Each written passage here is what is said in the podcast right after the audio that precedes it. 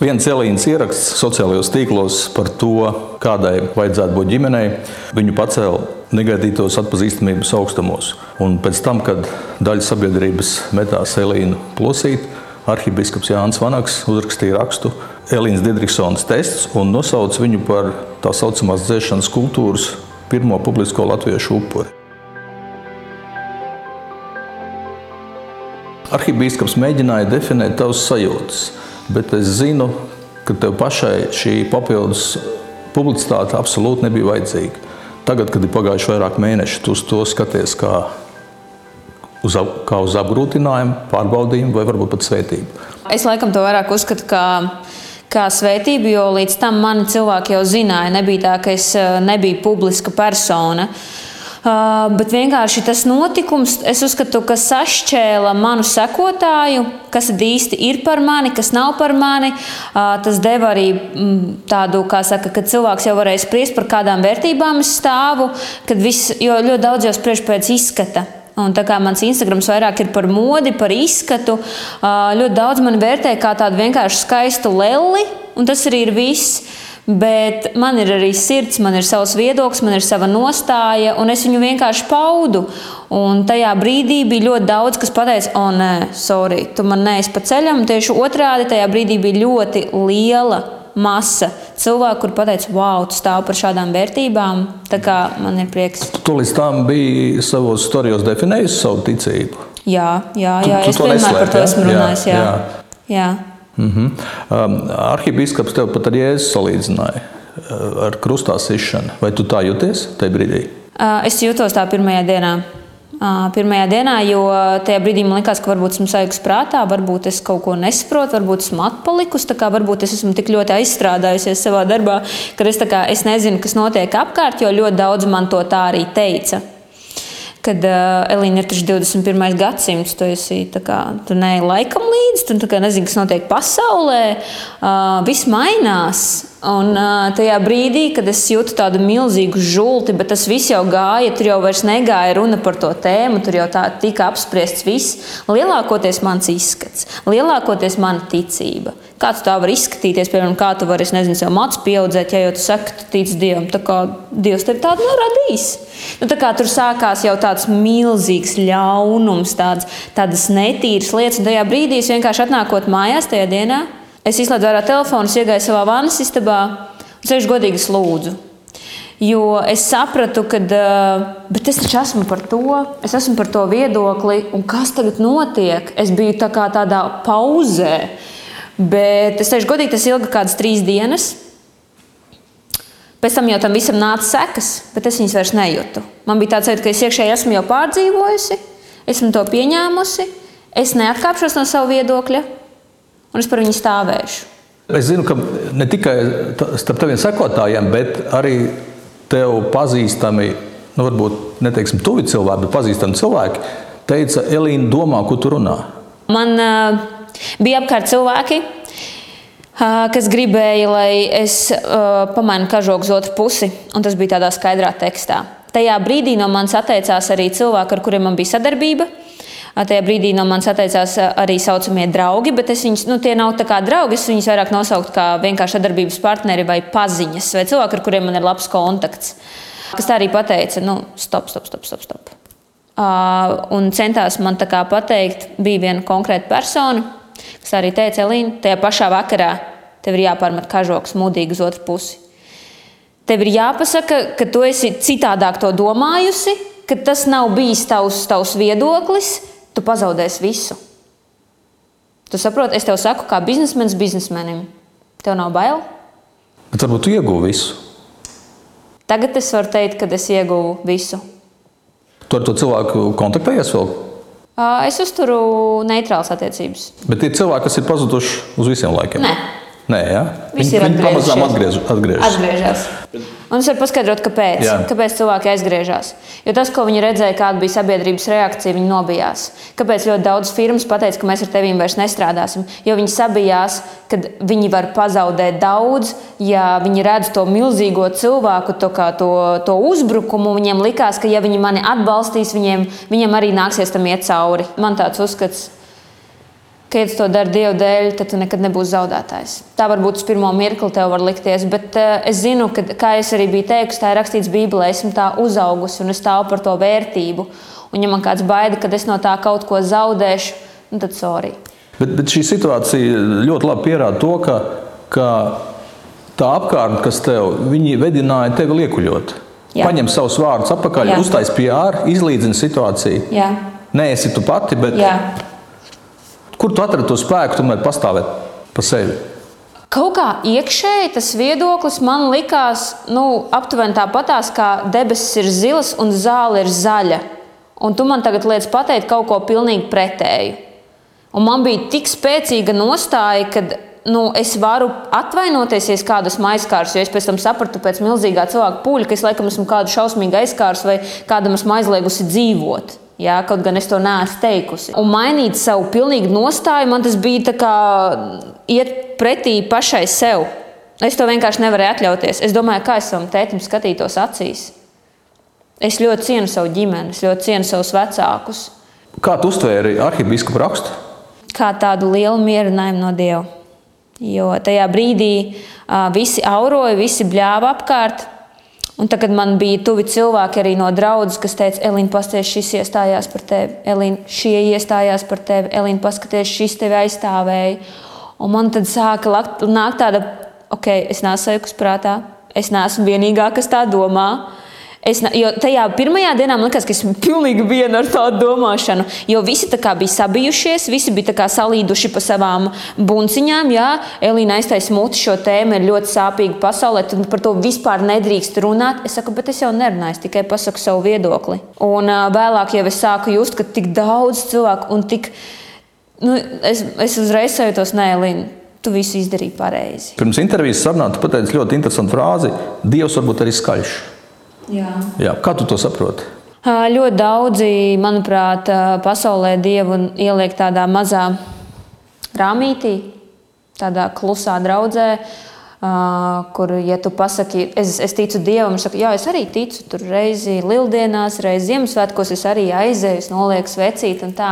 Manā dzīvē Dievs ir citādāks. Manā dzīvē Dievs ir dzīvais Dievs, ar kuru es pavadu katru savu rītu, ar kuru es iesāku rītu, kuram es pasakos dienas laikā par situācijām.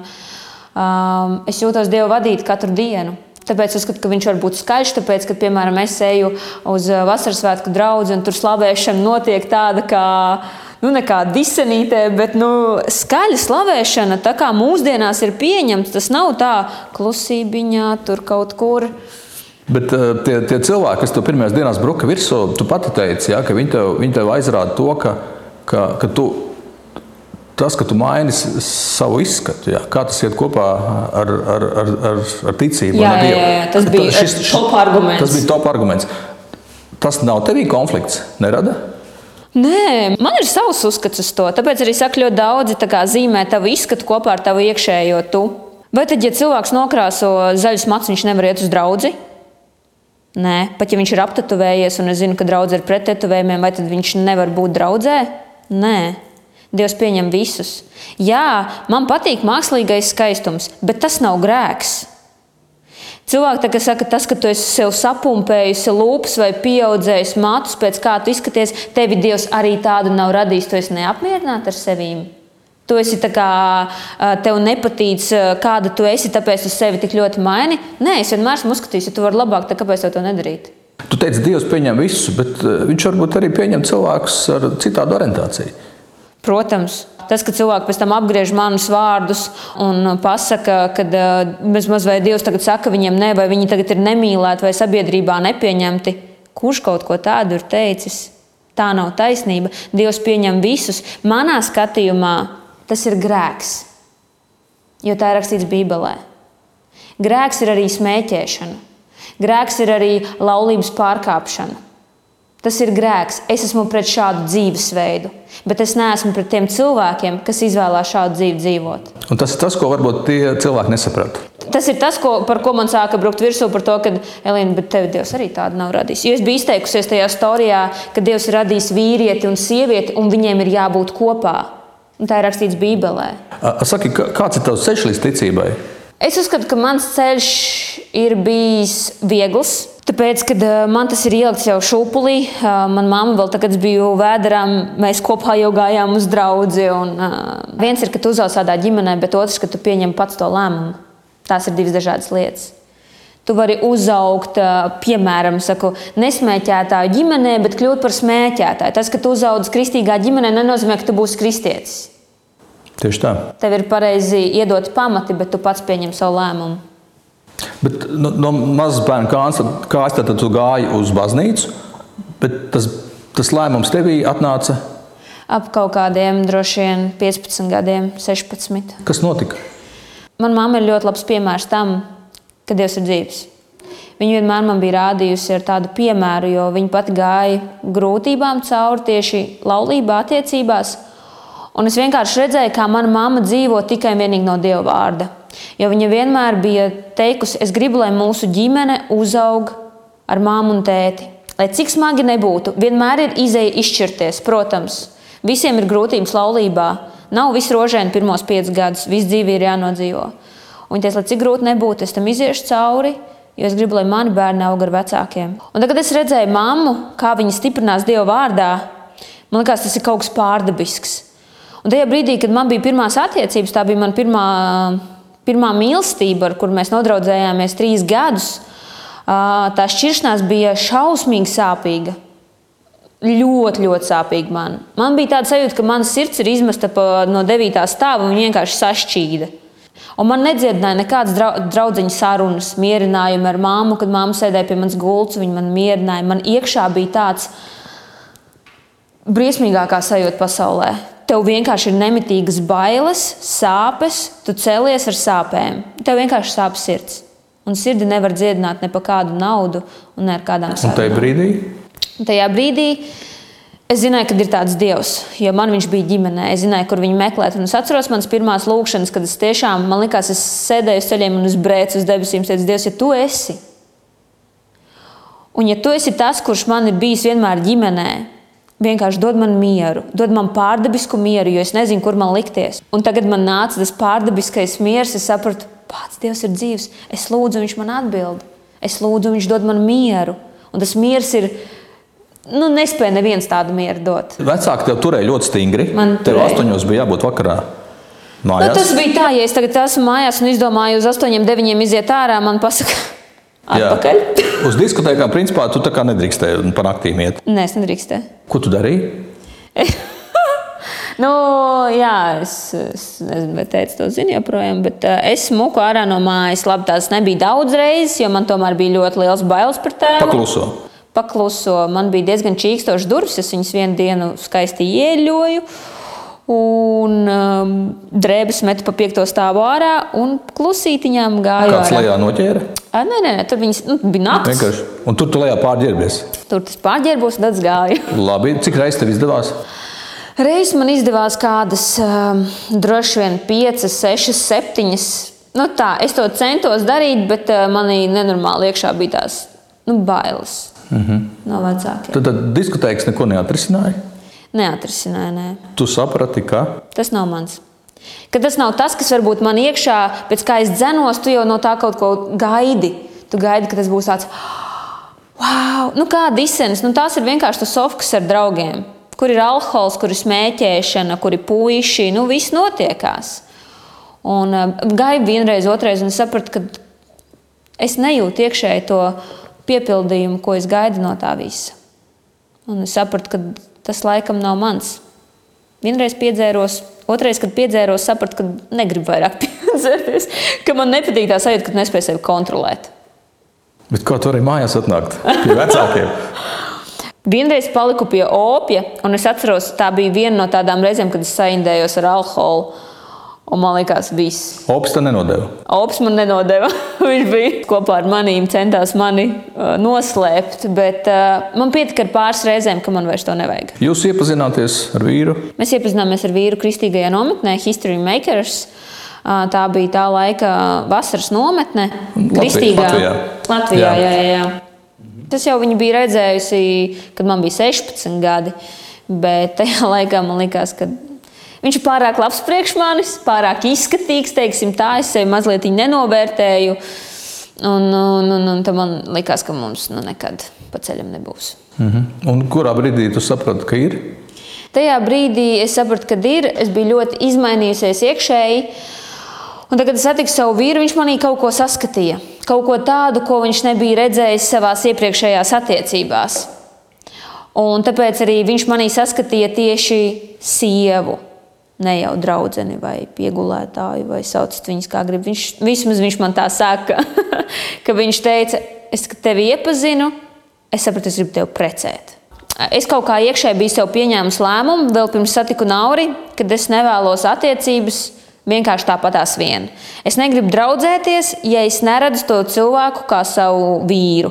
Manam iekšā vienmēr bijis vēlme tieši apprecēties. Ne jau draudzēties, ne jau pagulēt, ne jau palikt pie tevis pa nakti, bet tieši precēties. Es gribēju, lai mani aprec. Un, tad, kad es pieņēmu šo lēmumu, es sapratu, ka es arī negribu vē, sevi veltīgi atdot katram pa labi, pa kreisi. Ja es to cilvēku satieku, es aizēju ar viņu uz randiņu, un es jūtu, ka nav. Man jau nepatīk, kā tu runā, man jau nepatīk, kā tu elpo, un man nepatīk tavs skatījums uz dzīvi. Es viņu neizmainīšu. Un nevajag tās banālās runas. Gan jau kaut kas mainīsies. Ja viņš ir pret, piemēram, laulībām kā tādām, ja viņš uzreiz pasaka, ka viņš nemaz netaisās dzīvē precēties ar priekškām, ko mēs te vispār varam runāt? Lai cik tu nebūtu smukiņš eh, vai kā citādāk, tā kā nu, nav pa ceļam. Es vēroju viņu pēc viņa rīcībām, pēc viņa domāšanas, pēc viņa, kā viņš eh, ar ziediem nāca, kā viņš manu somu nesa, kā viņš runāja ar manu māmu, kā viņš runāja ar manu tēvu, kā viņš rīkojās stresa situācijās es biju ļoti adekvāti uz to skatīties. Viņš tev kārdināja? Pirmajā, trešajā randiņā mēs ar vīru bijām un mēs izrunājām šo jautājumu, kas man bija ļoti svarīgs. Es teicu, ka es nevēlos līdz kāzām tuvas attiecības. Tajā brīdī mēs it kā norunājām, un it kā viss bija ok. Jo meitenes, kas man skatās, droši vien domā, ok, mēs izrunāsim tagad ar Džeku, un viss būs brīnišķīgi. Tā nebūs. Vo, tā nebūs. Tāpēc, ka tagad jūs esat satuvinājušies, jūs jau esat gadu, pusgadu jau kopā, nu jau iet jau visi, jūs jau esat pazīstami, jūs jau nakšņojat. Sorry, kārdinājums ir pārāk liels. Mēs dzīvojam miesā. Tavs tēvs, kā vīrietis, tevi mācīja, ka tieši uz seksualitātes ziņā jābūt ļoti tomēr Viņš man to nemācīja, un mēs ar viņu par tādām lietām nekad neesam runājuši. Bet es redzēju viņa nostāju. Es atceros to pirmo reizi, kad es sāku sarakstīties ar Džeku. Viņš izlasīja manas pirmās īsiņas. Mans telefons lidoja vienkārši pret sienu. Mans telefons ir bijis vairākas reizes arī atņemts, un man tā arī es atceros, ka es pirmo bildīti savu puiku uzliku uz telefonu. Un man teica, ka to ieraudzīja. Mūdīgi noņemt, es tev saku. Viņš nevēlējās, lai viņa meitai 18, vai 17 vai 16 gados ir ārlaulības bērni. Viņš to ļoti negribēja. Viņš gribēja mani nosargāt. Un, protams, ja tev ir seksuāls attiecības, tad tas var būt. Man ļoti patīk viena vien, vien tā frāze, ko tu iepriekš pateici. Um, ja ir īstais cilvēks, līdz kādam seksu nevajag. Tā bija. Jā, un es varu arī paskaidrot, kāpēc tas tā ir. To viss ļoti labi zina. Palielam, tikko tu draudzējies, un tikko jums ir bijis seks, ir tāda sajūta, ka jūs esat pilnīgi tā kā, tā kā ar magnētiņu savilkušies kopā tā kā divas lapas salīmētas kopā. Un tajā brīdī tu nespēji uz cilvēku skatīties skaidri un saprast, vai tas ir mans cilvēks vai nē. Kāpēc? Jo tev puisim, viņš uz tevi vairs nespēs adekvāti skatīties. Viņš tevī redzēs tikai un vienīgi kailu sievieti. Ja jūs tiksieties randiņos, vai jūs nakšņosiet, vai kā citādāk, nu, protams, tas viss piedarās pie lietas. Jā. Viņš, viņš tevi gribēs. Un man bija tādas attiecības, kad es ar cilvēku vairs nevarēju normāli apsēsties vai izrunāties. Mēs vairs nevarējām īsti saprast, vai mēs domājam vienā virzienā, vai tomēr nē. Jo es uzskatu, ka tas laiks, kad tu iepazīsties, viņam ir jābūt ļoti skaidram. Tev ir jāspēj uz cilvēku skatīties kā uz personu, ne jau uz seksuālu būtni. Protams, tas skan ļoti viss tā kā tā super pareizi, bet tas vienkārši ir pierādījies manā dzīvē. Kā, kā piemērs, ka tiešām es nespēju skaidri skatīties. Es nomuļāju attiecības trīs gadus, kaut gan es jau pirmajā pusgadā zināju, ka es ar to cilvēku neaprecēšos. Un kāpēc mums bija seksuāls attiecības? Un ļoti ilgu laiku mēs tikāmies tikai dēļ tā. Un es nevarēju no tā cilvēka tikt vaļā, jo es biju tik ļoti saķēdēta. Un tāpēc man tik ļoti sāpēja, jo tās bija kā divas lapas, kas ir salīmētas kopā, un tagad tev vienkārši atrauj vaļā. Un, un tu satiki vīrieti, kurš šai tavai nostādnei piekrita un saprata, ka tā tiešām ir. Viņš piekrita, jo viņš arī nāca no kristīgas ģimenes. Viņam arī bijušas pirms tam, ir, protams, attiecības. Mēs pieņēmām tādu lēmumu. Es neteikšu, ka tas bija viegli, ja mēs dzīvojam tomēr eh, pasaulē. Mans vīrietis bija ļoti, ļoti izskatīgs. tas kārdinājums bija, bet vienkārši bija jāmāk pareizi nospraust tās lietas. Kas var aizvest līdz gultai? Nakšņošana ilga pārāk skūpstīšanās. Es neviens nesaka, ka to nevar darīt. Neviens nesaka, ka nevar mīļoties tur baigi. Bet ir jākontrolē sevi. Un, ja tu vienkārši tai sarkanajai robežai būsi pārāk tuvu, tad nebrīnīties, ka jūs pārgulēsiet. Tu biji tā kontrolētāja. Es biju kontrolētāja. Vairāk nekā. Jā. Es nezinu, kur man bija spēks. Es saku, tiešām, Dievs, paldies, bet tas bija grūti. Tas bija tiešām, mēs runājam, bet skaidri mēs te. Bet kā ir? Bija grūti. Bet tāpēc es arī cenšu, centos izvairīties no tādām nakšņošanām. Tu vari tagad pateikt, ko jūs ieguvāt? Mēs ieguvām ļoti lielu svētību ģimenē. Un es tā jūtu. Es jūtu vienkārši sirdī, ka mans ir jāizdara principa pēc. Tāpēc, ka tas tiešām nes ģimenē ļoti lielu svētību. Tajā laikā es varēju simtprocentīgi pateikt, es gribu tevi precēt kā vīrieti. Jo man ļoti daudzi apkārt teica, ka, no, ja tu apprecēsies, un tev nepatiks, tur viss būs slikti. Ko tad tu darīsi? Seks ir cilvēkiem galvenā lieta šajā pasaulē, vismaz vai tā veidojās tikai attiecības. Bet kaut kā tajā laikā es tik ļoti iepazinu savu vīru, un man viņš tik ļoti patikās kā cilvēks. Es biju simtprocentīgi pārliecināta, es gribu tevi, es gribu tevi visu dzīvi, vat ar tevīm. Un pat ja mums būs 60 un 70 gadi, es ar tevīm gribu, un seks neveido attiecības. Tas nav visa pamatā, tas ir ļoti svarīgi, nestrīdos. Bet tas nav tas, kas tev liek saprast, ka tas ir tavs īstais cilvēks. Jo gulta var vienreiz beigties vai jau apnikt. Pareizi. Un ko tad darīs? Vai šī atturēšanās ģenerē mīlestību? Mīlestība bija ļoti spēcīga, un tā viņa cieņa, kā mani vīrs cienīja. Es to nevaru aprakstīt. Man tā nekad dzīvē neviens vīrietis nav cienījis. Viņam tā, viņš mani tā kā tādu pērli turēja rokās. Un es nesapratu, kā es varēju tādu vīriešu uzmanību noturēt tā, ka viņš man tā kā tādu ziedlapiņu nesā aiz rokām.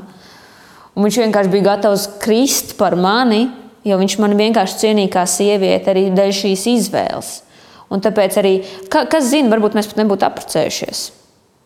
Ja viss notiktu agrāk? Ja viss notiktos. Nu, varbūt būtu, bet uh, ar ļoti ilgu gadu nokavēšanos.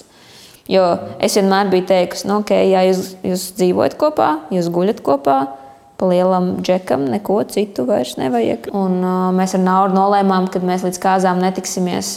Principā pēc. Principa Jā. pēc, jo tas fiziskais bija jau ļoti tuvu. Un tagad mēs satikāmies ar viņu pie altāra. Mēs abi raudājām. Man liekas, ka raudāja visi, jo tad tā ir milzīga svētība. Es teikšu vēlreiz. Un tā svētība nāk arī tagad, un to var ļoti, ļoti just. Un, kā jau man daudz teica, pagaidiet, gadiņus, divus, trīs, tas rožu laiks jūsu beigsies, izbeidzat tur spēlēt savu perfekto laulību. Mana laulība pēc pieciem gadiem ir tūkstoš reizes labāka nekā viņa bija tad. Tā ir atslēga skaidri izlemt, vai tu vēlēsies precēt to cilvēku, vai tu gribi ar viņu tikai izklaidēties. Man tas deva tādu skaidru prātu saprast to. Ja ļoti daudzi mani pārmeta, kad es izdarīju to 19 gados. Vai tā ir atslēga veiksmīgai laulībai? Nē. Vai tāpēc tu nodzīvos līdz mūža galam piedzimtais bērns? Nē. Attiecības ir jākopja, un viņas ir jākopja katru dienu. Tu, tu piekrīsti, ka, ka tāda stabila laulība var būt uz kristīgiem pamatiem, vai ne? Nu, nevajag teikt, ka visi kristieši ir uh, perfektie cilvēki. Un, uh, un ja viņš ir kristietis, tad jau svētais. Nē. Priekš manis kristietība ir tas, ka mēs visi dzīvojam tādu pašu dzīvi kā vispārējie. Mēs neko neesam īpašāk, svētāk vai kā citādāk. Vienkārši man līdzās ir Dievs. Tad, kad man ir sūdīgi, es neskrienu pie telefona, lai piezīmētu savai draudzenei, pastāstītu, kā man ir. Viņi man nepalīdzēs. Viņi man uzklausīs, jā, viņi pateiks, briesmīgi, bet viņi man neiedos izēju. Tāpēc ļoti bieži, kad ir kaut kādas sos situācijas, es vienmēr skrienu pie Dieva. Kad ir sos situācijas? Tagad liekas, ka tev zem apakšā grūst vienkārši. Tagad tev ir savs bizness, tagad tev ir liela atbildība, tagad tev ir tā popularitāte, tādas grūtības nāk katru dienu un varbūt reizē pa desmit reizēm. Un ko tu dari tajos brīžos? Vai tu paļaujies uz saviem spēkiem, vai tu tomēr pasaki, Dievs, tu man to esi visu devis, bet palīdzi man to vadīt, palīdzi man to turēt, un palīdzi man attīstīties un būt tur, kur es esmu. Un tur arī ir tā atšķirība. Man, es atceros, ka vēl vecajā darba vietā man apzaga kasi. Es vienkārši asarās, un es saprotu, ka man 200 eiro ir jāliek no savas kabatas, un man trīc rokas, un man zvana vadība, un es vienkārši nezinu, ko darīt. Es atceros, kā es aizskrēju stūlus, vienkārši teicu, Dievs, es nezinu, ko darīt. Bet man ir tāda situācija. Vienkārši palīdz man, es nezinu, pārdabiskā veidā. Es centos, kā es varēju, bet nu, ir ziepes tādas, kādas viņas ir. Nu, ir visādas situācijas. Jā, Kā tu atrisināji šo situāciju? Situācija atrisinājās ļoti, ļoti svētīgi. Protams, ka man bija jāieliek no sevis. Kā brīnums no debesīm nenonāca un nauda kasē neparādījās. Tā kā nevajag uh, uzskatīt, ka Dievs ir kaut kāds burvis. Finanšu ministrs. Fin, tu tik pasaki, un viss būs. Nē. Bet kaut kā Dievs ļāva man samanģēt savas finanses mēneša beigās tā, ka, ja pat man ir alga 500 un man bija 200 jāieliek kasē, kas liekas anormāli, man visam pietika. Tas nebija tavs bizness, tu strādāji pie kāda. Es strādāju, jā, es pelnīju, es strādāju veiklā par Kur tā pārdevēju. nauda pazuda? Tirzniecības centros strādājot, tur tiešām ir cilvēki, kuri nāk un, un viņi zog, viņi zog ļoti profesionāli. Un tā kā tas bija kamerās, un neviena apsardz neko nevar noķert. Tas ir garš Tas bija stāsts. maiņā, ja? Jā, jā, jā, jā. ok, Tas jā. bija izdarīts ļoti, ļoti mākslīgi. Bet ir, nu, viņus nevar atrast tos cilvēkus pēc tam. Mm. -hmm. Tā kā nu, visādi ir bijis, jā, protams. Uz, uz tevi skatoties, man liekas, ka, ka tu ar savu nostāju, ar savu ārējo veidolu, tu no kristietības viedokļa uzrunā publiku, kurai baznīca īsti netiek klāta. Tu pati tā arī jūti. Ļoti daudziem liekas, ka mēs esam vienkārši veiksmīga ģimenīte, kurai tik ļoti paveicies. Viņi ir vienkārši super vai nu gudri, vai nu mākslīgi vadīt savu biznesu, vai nu viņi tēlo teātri. Tāpēc viņiem tā dzīvē veicās. Un tāpēc es cilvēkiem saku, mēs saskaramies ar tieši tādām pašām problēmām. Tāpēc reizēm varbūt tā, ir tādi publiskie bumi, kad mums brūk sabiedrība virsū un tu īsti nesaproti par ko. Tu gribi pateikt, jā, mēs arī ejam cauri grūtībām un reizēm nepamatoti. Un mums arī reizēm ir sūdīgi, un mēs nezinām, ko darīt. Bet mums ir pie kā doties. Mēs dodamies pie Dieva. Es vienmēr teicu, vērtēt cilvēku pēc viņa darbiem. Nekad nespried par viņu no ārienes. Nekad nespried pēc tā, ko par viņu runā. Tas ir kā kopija pēc nesaprotam no kurienes. Mani nezina neviens, mani zina mana ģimene. Zeltainā prēse un visas šīs netīrās lietas ierakst man googlē vārdu, ko tu tur neredzēsi. Viņi neviens no man nezina. Tāpēc vienmēr spried pēc cilvēku darbiem. Un, un manai auditorijai dalīties par Dievu, es to daru tikai tāpēc, ka es negribu, lai cilvēkiem rodas tas iespējas, ka es esmu vienkārši uzpūsts skaista lele. Man vīrs visu sponsorē. Vīrs visu sponsorē, man visi bagātnieks vienkārši. Tā, tā ir vai tā nav? Nē, no kurienes mēs apprecējāmies? Mums abiem bija pliks pakaļs. Viņš pelnīja 600 eiro, es 500 eiro. Labi, kā jūs biznesu uztaisījāt? Es atceros, mēs gājām vienreiz no darba, es biju pārgurs, un man nāca zini ko? Kā uz Zolītūdē mēs īrējām dzīvokli. Ai, man gribētos apģērba līniju savējo. Viņš tā teica. Viņš tā teica. Viņa ideja, ok. Man bija tāds, mm -hmm. un es tur varētu būt par pārdevēju. Mm -hmm. un mēs tā sarkasmā viens par otru smējāmies. Viņš teica, bet tas būtu tik afigēni. Es saku, mm -hmm. un kam tu tās savas drēbes pārdosi? Tā kā tev nav naudas, tev nav idejas, tev nav apģērba, un tev nav kam viņu pārdot. Un tāds viss arī sākās. Tā ir ļoti atsevišķa milzīga tēma, kā mēs sākām biznesu. Bet tas arī ir ļoti liels dievu brīnums. Bet jūs tā kā aizņēmāties, jums kāds aizdeva? Nē, mums neviens neko neaizdeva. Tāpēc es tev saku, tu jautāji, kur mūsu telpa. Saku, Blaumaņa ielā 9, bet līdz tam mēs esam nomainījuši vēl 4 telpas. Kāpēc? Jo mums nav bijušas finanses, mums nebija tik liela klientūra, lai es varētu uh, atvērt veikalu un domāt, ka tur kāds atnāks. Tā kā nu nē, tev ir vajadzīga klientu bāze. Viņa nāk ar gadiem, viņa nāk ar mēnešiem, viņa nāk ar izaugsmi. Un kur mēs to izaugsmu? Mums nebija neviena klienta. Un tā klienta, tas klients bija jādabūna. Faktiski neviens neaizdeva, neaizņēmēties tik, tik, cik to brīdi bija. To arī sākāt. Jā, ieguldījām, nopirkām pirmo kronšteinu, kur drēbes sakarināt. Pēc tam nopirkām pirmo bikšu partiju, pārdevām. Pēc tam varējām nopirkt divas bikšu partijas, pārdevām. Klienti pirmie ģērbās manā vienas dzīvoklī, garda, nu, ieejas telpā, mazajā. Jā. Tad mēs pārcēlāmies uz mazliet lielāku dzīvokli, lai mums būtu atsevišķa istaba, kur mēs varētu vismaz ieaicināt cilvēku un iedot viņam pamērīties. Un tā mēs krājām, krājām, krājām un visu laiku pa bišķītim ieguldījām. Ja mums bija tādas bailes ieguldīt uzreiz, ja mēs nezinājām, tas sanāks vai nesanāks. Jūs tas... apdomīgi, ja? Jā. Tā pirmā pēļņa parādījās, vai tā drošības sajūta pēc cik ilga laika? Pēc um, trijām nomainītajām telpām. Tas nozīmē, ka principā līdz tam tā kā ar zaudējumiem. Nē, mēs nebijām ar zaudējumiem. Mēs vienkārši visu naudu, ko mēs pelnījām, mēs guldījām atpakaļ. Tāpēc mēs ļoti ilgu laiku nodzīvojām. Un mēs arī tagad, jā, mēs varam atļauties sev vairāk, mēs varam aizbraukt ceļojumā, bet vienmēr bijis darba nolūkā. Jā, mēs tā cenšamies sevi vaktēt un vienkārši visu iekrāto, ieguldīt, ieguldīt. ieguldīt. Mm. Šobrīd ar peļņu strādājat? Tagad mēs strādājam ar peļņu. Tava klientūra ir sievietes. Sievietes, jā. Kā tu redzi šīs sievietes? Sievietes, kurām gribās pucēties. Un es vienmēr esmu bijis par to. Es gribu, lai sievietes pucējās. Es gribu, lai viņas ir vat, kā lelītes. Nu, vat, vat man saka, ka īsi šorti, vat, gribās uzvelkt īsu šorti. Visam ir savs mērs, nevajag šo slieksni pārkāpt. Uh, plikai nevajag iet ārā no mājas. Bet, ja tev vajag uzvelkt kleitu, ielako matus, uzkrāsojies, tas nav grēks. Tas nav nekas slikts. Vienkārši meitene tā, tad jūtās tā kā tāda Bet tā ir mana diena. Kāpēc tev nevar tāda katra diena? Tu, būt? tu strādā ar īpašiem zīmoliem vai, vai, vai ļoti dažādi? Ļoti, ļoti, ļoti dažādi. Jā, gan, mēs gan, mēs gan. čekojam kvalitāti. Jā. Tas ir man bijis pats svarīgākais. Un tāpēc zīmols var izlaist labu kvalitāti, zīmols var izlaist sliktu kvalitāti. Un tu nevari ņemt visu no viena zīmola. Tāpēc ir ļoti liels sajaukums. Lai man ir vienalga, kāds zīmols, galvenais, lai ir laba, laba kvalitāte, atbilstoši cenai. Nejauc lietas. Nevajag domāt, ka nopirks pie manis biks par 25 eiro un nodos pēc tam bērniem. Jā, tik viņas būs. Cik, cik maksā biks pie tevis? Uh, vidējais ir 25 eiro. Bet viņas ir labas. Kad tu sāksi vīriešu drēbes tirgot? Ļoti grūti ir ar vīriešiem. Ja es esmu pamanījis, ejot vīriešu veikalos, grūti kaut ko atrast. Kāpēc? Tāpēc, ka tāds ir tirgus. Tāds ir tirgus. Tiešām vīrieši tiek apdalīti.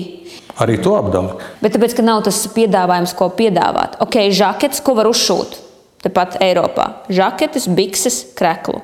Bet džekiem taču vajag džinsus, botas, kaut ko ikdienišķu, pareizi. To ražo jau Ķīnas lielajās valstīs, un tur ir pilnīgi cits bizness. Tāpēc uh, piedāvā apģērba līniju lielākoties tīkli, kuriem ir milzīgi abaroti. Jo viņi var atļauties ražot savu apģērba līniju milzīgos skaitos. Lai, lai cilvēkiem būtu skaidrs, tu ik pa brīdim arī kādu krievu vārdu lietoji. Ja?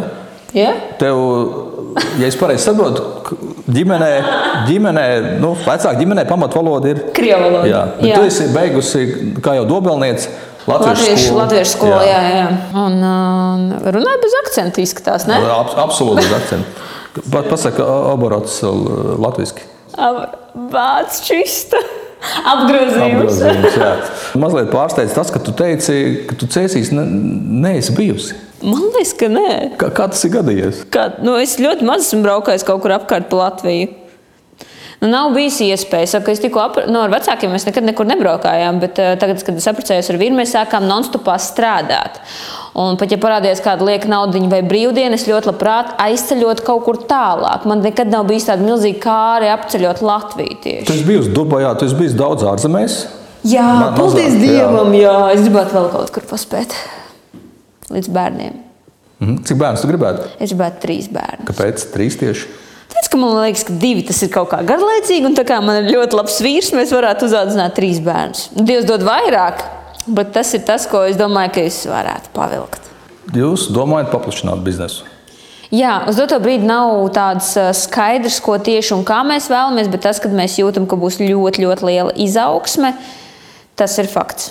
Tas nākamais solis būs? Neteikšu. Es tev to pateicu, bet es to negribu teikt. Okay. Bet, bet tas būs drīz, un tas būs paplašinājums. Man tas būs ļoti liels solis uz augšu. Manuprāt, tas ir tāds. Kāpēc mēs nevarētu tā? Mēs tā varētu.